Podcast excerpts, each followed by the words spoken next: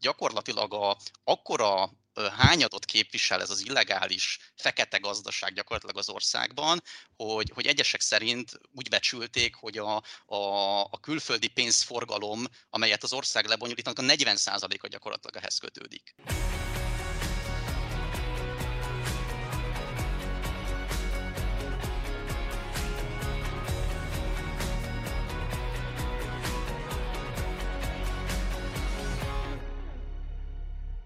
Már másfél hónapja zajlanak a rendszerellenes megmozdulások már több városában, miután a hadsereg február elején egy pucsot követően váratlanul átvette a hatalmat, az ország demokratikus úton megválasztott vezetőit pedig házi őrizetbe helyezte. Az ennek nyomán kialakult tiltakozó megmozdulások és az országot megbénító polgári engedetlenségi mozgalom kiterjedése annak ellenére növekszik, hogy a hadsereg már éles lőszert is bevetett a felszámolásukra.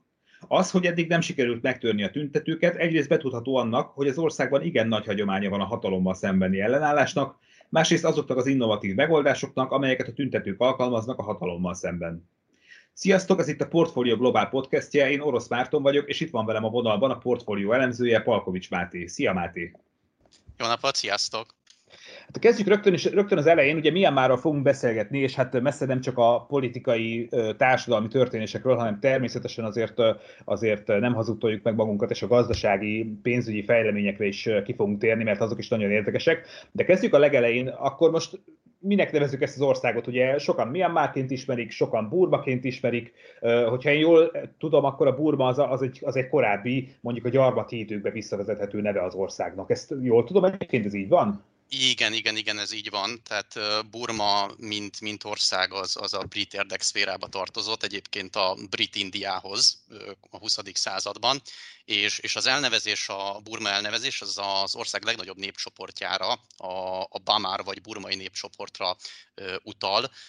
A Myanmar gyakorlatilag egy ilyen hivatalosabb megnevezés, amelyet a, a katonai hunta vezetett be 80-89-ben, és, és gyakorlatilag a kettő majd, hogy nem ugyanazt jelenti, inkább politikai konnotációja volt régen, hogy, hogy melyiket használják. Akik nem értettek egyet a, a, a katonai huntával, azok inkább a Burmát részesítették előnyben, ilyen volt az Egyesült Államok is például, de a demokratikus folyamatok eredményeképpen már elfogadottá vált a Myanmar is, például Aung San Suu Kyi, akit ugye most elmozdítottak, ő mondta, hogy lényegében mindegy, hogy hogy hívják az országot, tehát lehet használni a Myanmart is és a, és a Burmát is, úgyhogy, úgyhogy ez már ennél elfogadottabbá vált itt az utóbbi években. Igen, hát ő egy elég karakteres politikus, és fogunk is még róla a szót ejteni, de egy picit menjünk már bele szerintem az, hogy megértsük a, a mostani történéseket, amik azért még ilyen, ilyen, ilyen távolból, hát mondjuk szerintem egy olyan 7-8 ezer kilométerre lehetünk körülbelül uh, Myanmartól. Uh, még ilyen távolból is azért nagyon érdekesek, és bár a, a híradókban, ahogy én nézegetem naponta, naponta a hírműsorokat, egyre kevésbé hangsúlyosak ezek a történések, meg egyre kevésbé foglalkoznak velük a hírműsorok, de azért azt biztosan mondhatjuk, hogy, hogy, hogy ott továbbra is folynak, a, folynak az események, és mondhatjuk, hogy a szemünk előtt zajlik a történelem. De egy picit nézzük már egy történelmi visszatekintést, csak hogy megértsük itt a mostani, mostani történéseket. Ugye a gyarmati birodalmat, vagy gyarmati uralmat már említettük, de talán induljunk ki onnan. Egy picit segíts nekünk, légy szíves, hogy, hogy honnan érdemes nézni az ország történelmét, és mondjuk mik a legfontosabb állomások itt az elmúlt néhány száz évben. Szerintem, szerintem a, a mai problémák megértéséhez elég relatíve későn, későn kezdeni, tehát mondjuk a, a 19. század elején, amikor a, amikor a brit uralom a, a, a térségben megerősödött. Előtte természetesen voltak királyságok és számos más népcsoport, de, de a mai események fényében innentől kezdődik a, a, az érdekes rész. Gyakorlatilag a, a britek uralmuk alá hajtották a régiót, és ugye a Indiával, illetve a korábbi Pakisztánnal együtt ez egy ilyen hatalmas gyarmatot képezett. A britek gyakorlatilag ezt leválasztották később Brit-Indiáról, ott a 30-as években, és utána külön gyarmatként kezelték Burmát. Burma ezután a következő fontos stáció szerintem a, a második világháború, amikor a japán terjeszkedés következtében ugye a japánok gyakorlatilag megszállták Dél-Kelet-Ázsia gyarmattartók által birtokolt országait, ilyen volt Burma is. Itt a burmaiak érdekes módon a japánok oldalára álltak, pont azért, mert ugye ők képezték a britekkel szembeni ellenállásnak a, a, ők voltak a főszereplői gyakorlatilag, viszont utána átálltak a szövetségesek oldalára, tehát gyakorlatilag a győztes oldalon fejezték be a háborút. 48-ban, 1948-ban nyerték el a, a függetlenségüket végül Nagy-Britanniától. Ezt egy rövid, demokratikus átmeneti időszak követte, amelybe beleszólt a hadsereg, amely átvette az uralmat a 60-as években, és gyakorlatilag onnantól kezdve egészen 2011-ig egy, egy katonai irányítás érvényesült az országban, amelyet végül követett a, a, a demokratikusnak nevezett átmenet, amelyben azonban a hadsereg jelentős pozíciókat tartott meg magának, és ez az a demokratikus átmenet gyakorlatilag 11-től kezdve, ami február 1-én véget ért a, a katonai puccsal. Ahhoz, hogy megértsük a, a mostani történéseket, szerintem érdemes beszéljünk egy pár szót a társadalmi összetételről is. Ugye a társadalmi összetételbe itt masszívan beleszól a, a vallási a lakosság vallási megosztottsága is, mint a térség számos országában azért itt mondjuk egy, egy elég, elég erős buddhista és muszlim ellentét bontakozik ki, ami azért a politikában és a katonai folyamatokban is komolyan tetten érhető. Itt ezt honnan érdemes vizsgálni? Ugye Burmának vagy Myanmarnak a lakosságának 88%-a buddhista, tehát a lakosság nagy része buddhista. Emellett egyébként talán a leglényegesebb csoportok, vallási csoportok, amiket meg kell említeni, a keresztények nagyjából 6%-kal, illetve a, a, a muszlimok 4%-kal és, és etnikailag is egyébként változatos az országban, hogy említettem, hogy a legnagyobb népcsoport az a Bamár népcsoport, ők 68%-ot tesznek ki, de talán amik említésre méltóak még a, a sanok, ők 9%, a kirenek 7%, de van még kínai és indiai kisebbség is, a, főleg egyébként a gyarmati időkből a régióban. És igen, egyébként ez a vallási ellentét, ez egyébként tetten érhető a mai, mai politikai folyamatokban is. Elég csak a, a, a rohingyák elleni rohingyákkal kapcsolatos konfliktusra gondolni, amely Érdekes módon azonban kevésbé vallási, mint inkább egy, egy etnikai, politikai vita a, a, ezen kisebbség tagjait illetően. De, hát igen, tény... konfliktus kifejezés azért egy, egy érzek némi eufemizmust, igen, így is mondhatjuk, mások mondjuk népírtásként szokták ezt igen, definiálni, igen. talán inkább a, a, a világon ez az elfogadottabb álláspont jelenleg. Igen, egyértelmű.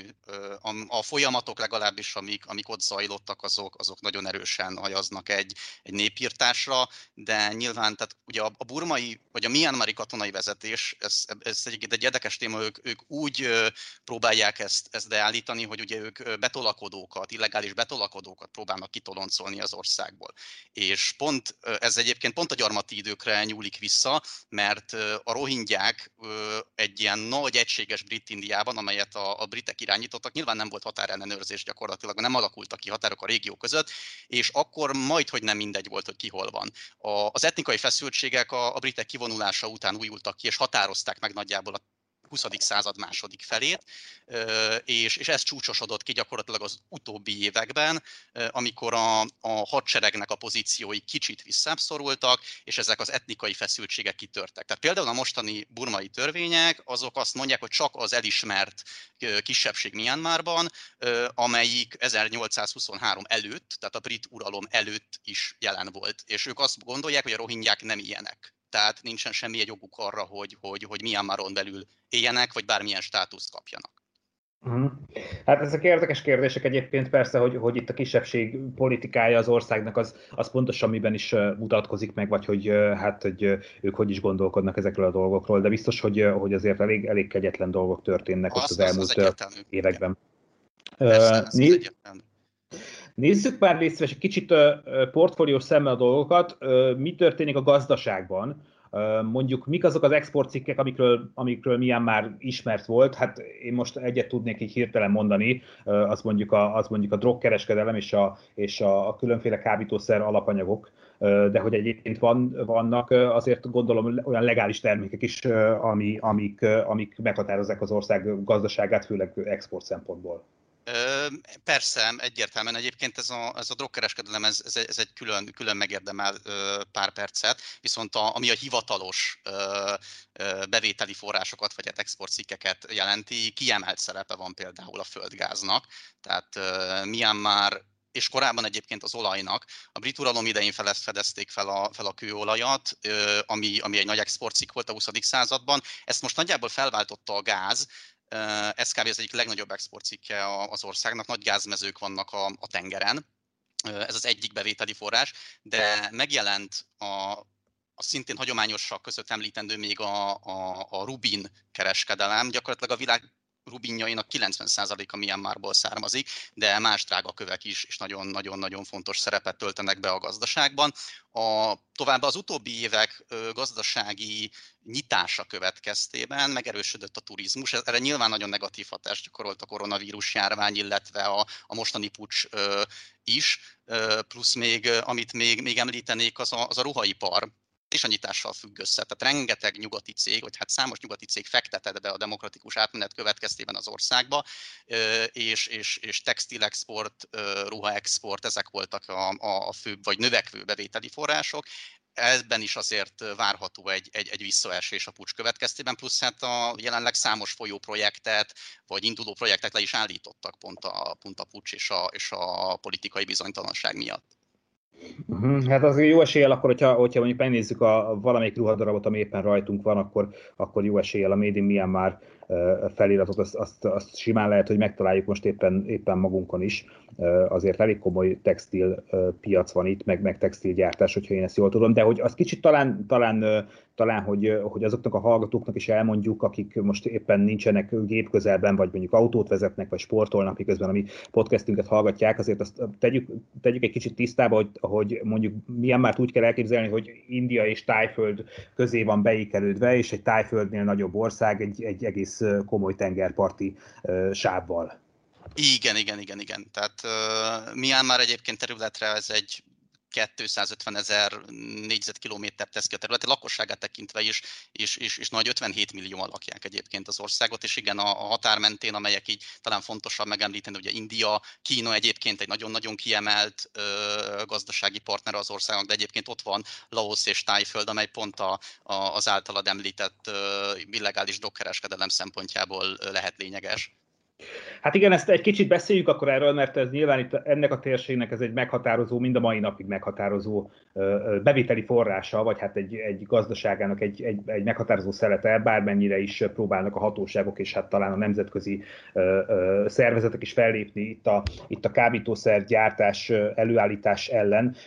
Itt amikor előzetesen készültünk erre a beszélgetésre, és, és, és beszélgettünk, hogy, hogy, hogy mit tudunk erről a térségről, esetleg személyes tapasztalataink vannak-e, akkor én, akkor én említettem neked, hogy én jártam egyébként itt, ha milyen bárban nem is, de a szomszédos Laosban és Észak-Tájföldön, és ott hát azért elég komoly ö, olyan térségek vannak, amik, amelyekről köztudott, hogy azért, a, azért az ópium ö, ö, előállításához szükséges mák, mezők azért igen komolyan jelen vannak, és a mágtermelés az egy, az egy nagyon meghatározó ö, ö, ö, gazdasági szerete ennek a térségnek, és én emlékszem rá, például voltam egy, egy ópium múzeumban, ahol, ahol kézről kézre adták a mágbubót, és ezzel próbálták bemutatni, hogy ez, ez milyen különleges ez a növény, és hát ott megmosolyogtak, csak külföldiek voltak, vagy hát főleg britek voltam ott egy, egy kis csapatban, és akkor nem igazán hitték el nekem, hogy, hogy hát én ezt a növényt elég közelről ismerem, mert nálunk mondjuk az óvodás gyerekek ezt teszik, a, ezt teszik az ebédre tésztával. Ott kicsit itt csodálkoztak rajta, de az biztos, hogy, biztos, hogy a, a térség maga azért a világ kábítószer előállításának egy igencsak meghatározó térsége. Ez az úgynevezett egyébként arany háromszögnek hívják ezt a, ezt a részt, ami a, a, a táj, a Laoszi és a Myanmari határ, határvidéknek nevezhetjük, és ott a Mekong folyónak a, a, a térsége ez, ott, ott azért ezt, ezt elég komolyan tolják. igen, annyira komolyan egyébként, hogy, hogy Afganisztán után gyakorlatilag ma is, ma is milyen már így a világ második legnagyobb ópium exportőre. És, Azért a szép teljesítmény. Igen, igen. És egyébként az, az az érdekes, hogy ennek az ópium exportnak gyakorlatilag a 95%-a egyetlen egy térségre, ez a Shan régió, ugye itt van ez a, ez a bizonyos arany háromszög is itt helyezkedik el, található, és ugye ennek a három országnak a viszonylatában is külön érdekes, hogy ugye a Laos és, és Tájföld az, az inkább magában a kereskedelem részében ben érdekelt, vagy hát azok a részek, amik ott vannak, és a termelés nagy része az milyen mára koncentrálódik. Tehát a, amiket említettél, ezek a, ezek a mákmezők, azok, azok ott koncentrálódnak gyakorlatilag. Egy ilyen egész érdekes gazdasági közösség bontakozik ki itt a szemünk előtt, hogyha, hogyha, hogyha jól látom. A, a, a, másik, a másik egyébként tök érdekes adat, amit, amit ezzel kapcsolatban láttam, hogy, hogy gyakorlatilag a, akkora hányadot képvisel ez az illegális fekete gazdaság gyakorlatilag az országban, hogy, hogy egyesek szerint úgy becsülték, hogy a, a, a külföldi pénzforgalom, amelyet az ország lebonyolítanak, a 40%-a gyakorlatilag ehhez kötődik. Tehát, hogy sok esetben túlnövi bizonyos szektorokat, a bizonyos legális szektorokat is a gazdaságban. Mhm. Azt tudjuk egyébként, hogy például az a hadsereg, amelyik most, most ismét magához ragadta a hatalmat, ő, ő például érdekelt a, a, a kábítószer előállításban? Tehát ez, vagy, ez, vagy ez gyakorlatilag magától értetődő? Ö, igen, tehát egy, egy olyan országban azért, ahol a hadsereg ennyire jelen van, mint ahogy ezt látjuk, ezt, ezt egyáltalán nem lehet kizárni, sőt a, a hadsereg minden bizonyal ö, részt vesz ezekben a folyamatokban. Ezt egyébként úgy kell elképzelni, hogy ezt eleinte ilyen, ilyen paramilitáris csoportok, és mai napig is félig meddig végzik, de, de azért az utóbbi időben a, a hadsereg is beleszállt ebbe a, ebbe a bizniszbe elég rendesen. Pont, pont abból adódóan is, hogy, hogy ugye akár a, a valutát hogyan lehet behozni a, az országba ezen keresztül például, tehát használják a rendszert. Igen, hát itt egyébként, hogyha, hogyha a film rajongó uh, hallgatóinknak talán, talán ajánlhatjuk a figyelmébe uh, azt a filmet, ami kimondottan erről a, erről a térségről szól, és hát, uh, és hát uh, ott, is, ott is a kábítószer előállítás az, az igencsak jelen van, ez pedig a, a negyedik Rambo film, a John Rambo, ami egy 2008-as film, és hogyha, hogyha valaki látta, akkor emlékszik rá, hogy, hogy, hogy maga, maga Sylvester Stallone is, is tájföldről megy föl észak felé, és ott, és ott Burbában próbál helyre tenni bizonyos dolgokat, és megmenteni egy, egy kis misszionárius csapatot, és hát persze ezzel kapcsolatban aztán gyakorlatilag mindenkit lemészárol, aki csak él és mozog az ellen, az ellenség tagjai közül, akik, akik szintén a, a burmai hadsereget testesítik meg, és hát, és hát elég intenzíven benne vannak a, a kábítószer bizniszben, de nézzük is már meg akkor kicsit komolyra fordítva a szót ezt a, ezt a hadsereget, akik most, most, most újra magukhoz ragadták a hatalmat. Mennyire mondhatjuk azt, hogy, hogy milyen már egy demokratikus ország volt a pucs előtti években? Mennyire nevezhetjük a mi európai demokrácia felfogásunk szerint őket, őket demokratikusnak? Hát szerintem a mi felfogásunk szerint semennyire, vagy hát nagyon-nagyon megengedőnek kell lenni ehhez. Az érdekes az, hogy, hogy ugye a, Myanmar, ez a, ez a bezártság, amelyet Myanmar itt, itt 50 éven át folytatott, ez gyakorlatilag a gazdaságot majd, hogy nem a tönkszélére sodorta, és, és kicsit, kicsit rá is voltak arra, arra kényszerülve, hogy, hogy engedjenek és nyissák az országot. A demokratikus átmenet már csak azért sem lehet teljes, mert ezt az egész a hadsereg vitte, vitte véghez. Tehát a hadsereg írta az ország alkotmányát, a demokratikus alkotmányt, amelyben többek között csak így, így példaemlítés szintjén ilyen, ilyen dolgok voltak, hogy, hogy a hadsereg képviselőinek kell fenntartani a parlamentben lévő helyek 25%-át, plusz fontos döntéseket csak 75%-nál nagyobb többséggel lehet elérni, tehát gyakorlatilag a hadsereg beleszólása nélkül nem tehettek semmit, ugye pont erre vezethető az is vissza, hogy, hogy mondjuk ez a rohingyák elleni népírtásban is ugye nagyon-nagyon vastagon benne van a, a, a hadsereg, de emellett fontos pozíciókat is kaptak, tehát mondjuk akár a védelmi miniszteri pozíció, vagy ezek az ilyen fajsúlyosabb pozíciók a kormányban, ezek oda lettek kiosztva, és a hadsereg pártja, ezt úgy hívják, ez a szövetségi szolidaritás és fejlődés pártja, szintén jelen van a a burmai, vagy hát Myanmari, Myanmari parlamentben. És gyakorlatilag az demokratikus átmenet után a megválasztott kormánynak, ugye ez a, ez a Nemzeti Liga a demokráciáért, amelyet az Aung San Suu Kyi vezet, folyamatosan a hadsereggel kellett egyezkednie annak érdekében, hogy keresztül tudjanak vinni különböző jogszabályokat, amelyeket nyilván a hadsereg megvétózott, hogyha azt látta, hogy ez az ő pozícióiknak a gyengülését okozná itt most már több egyére hangzik el egy név, Aung San. Egy kicsit beszéljünk róla, mennyire meghatározó szereplője ő a belpolitikának, vagy inkább mennyire az a fajta karakter, akit az ország vezetése előre tol azért, hogy a, hogy a világ szemében ő képviselje azt a megújuló társadalmat, amit, amit Myanmar szeretne láthatni magáról. Szerintem, szerintem abszolút emblematikus figurája Aung San Suu Kyi Myanmar elmúlt évtizedeinek, már csak a családi vonatkozásban is, ugyanis a Aung San Suu Kyi apja volt Aung San, aki, aki a britekkel szemben küzdött például a, a burmai függetlenséget, tehát egy politikai családból származik eleve Aung San Suu Kyi, ő igazából az 50 éves hunta uralma idején emelkedett fel, és alapította meg ezt a, ezt a pártját, amely ez a, a Nemzeti Liga a demokráciáért, és, és szervezte ugye az ellenállást a, a hadsereggel szemben. Házi őrizetbe zárták több évtizedre, és gyakorlatilag a, a, a, a hatalommal való szembenállás szimbóluma lett ő, ő, ő Myanmarban ugye utána kiengedték, plusz Nobel békedíjat is kapott egyébként még a 90-es években. Igen, 91-ben pontosan. 91-ben pontosan, igen, igen, igen. Tehát Nobel békedíjat is kapott, tehát otthon is egy emblematikus figura, de külföldről nézve is egy emblematikus figurája a Burmának, meg szerintem talán ez egy legismertebb burmai, és ugye őt engedték ki a házi őrizetből, és az ő pártja nyerte meg végül az, az, a szabad választásokat.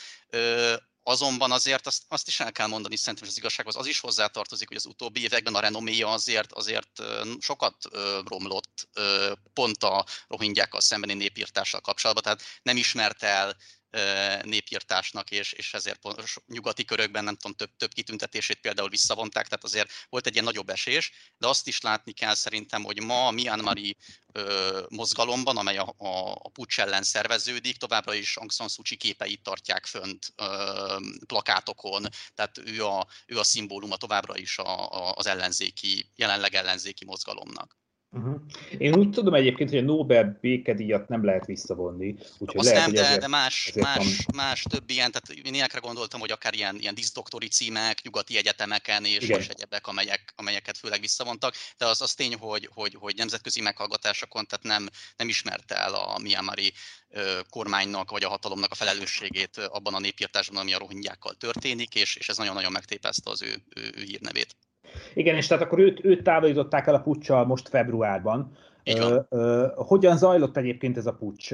Ez azért elég gyorsan végbe ment. Nyilván a hadsereg erejéhez mérten azért, azért gyorsan tudnak és hatékonyan tudnak ők, ők lépni és pozíciókat elfoglalni, de, de technikailag mit lehet tudni erről a pucsról, és persze mik voltak erre a nemzetközi reakciók. Azért itt a nemzetközi közvélemény hát elég komolyan felfigyelt ezekre a folyamatokra így a koronavírus árnyékában. Ö, igen, ugye ez, ez, viták vannak arról jelenleg, hogy ez most egy előre megtervezett pucs volt, vagy egy, egy, egy, egy ilyen spontán pucs volt. Igazából amit, amit konkrétan a pucsról lehet tudni, az, hogy, hogy, hogy február 1-én gyakorlatilag fegyveresek, vagy hát a katonaság emberei lepték el az utcákat, és, és a, a, a vezető párt, tehát Aung San Suu Kyi pártjának tagjait, illetve Aung San Suu Kyi-t is elmozdították, házi őrizetbe helyezték, és, és kijelentették, hogy most lesz egy egyéves rendkívüli állapot, és akkor majd utána rendeznek választásokat. Egyébként a hatalmat a Min Aung Hlaing nevű tábornok vette át, ő a hadsereg vezetője, és, és gyakorlatilag ezt, ezt simán egy, egy, egy-két nap alatt lezavarták, ugye voltak ilyenek, hogy lelőtték az internetet, plusz volt ugye az a, az a, az a híres videó is, hogy, hogy úgy zajlik a pucsot, az egyik volt egy lány, aki éppen aerobikozott, és vette föl magát, és mentek háttérben a, a tankok, és gyakorlatilag ilyen szinten majd, hogy nem csendben vagy észrevétlenül történt a, történt a pucs, és nagyon gyorsan, tehát nagyon gyorsan elintézték, utána pedig a hadsereg minden erejével azon volt, hogy megerősítse a hatalmát, csak hát úgy néz ki, hogy ez olyan könnyen most nem megy.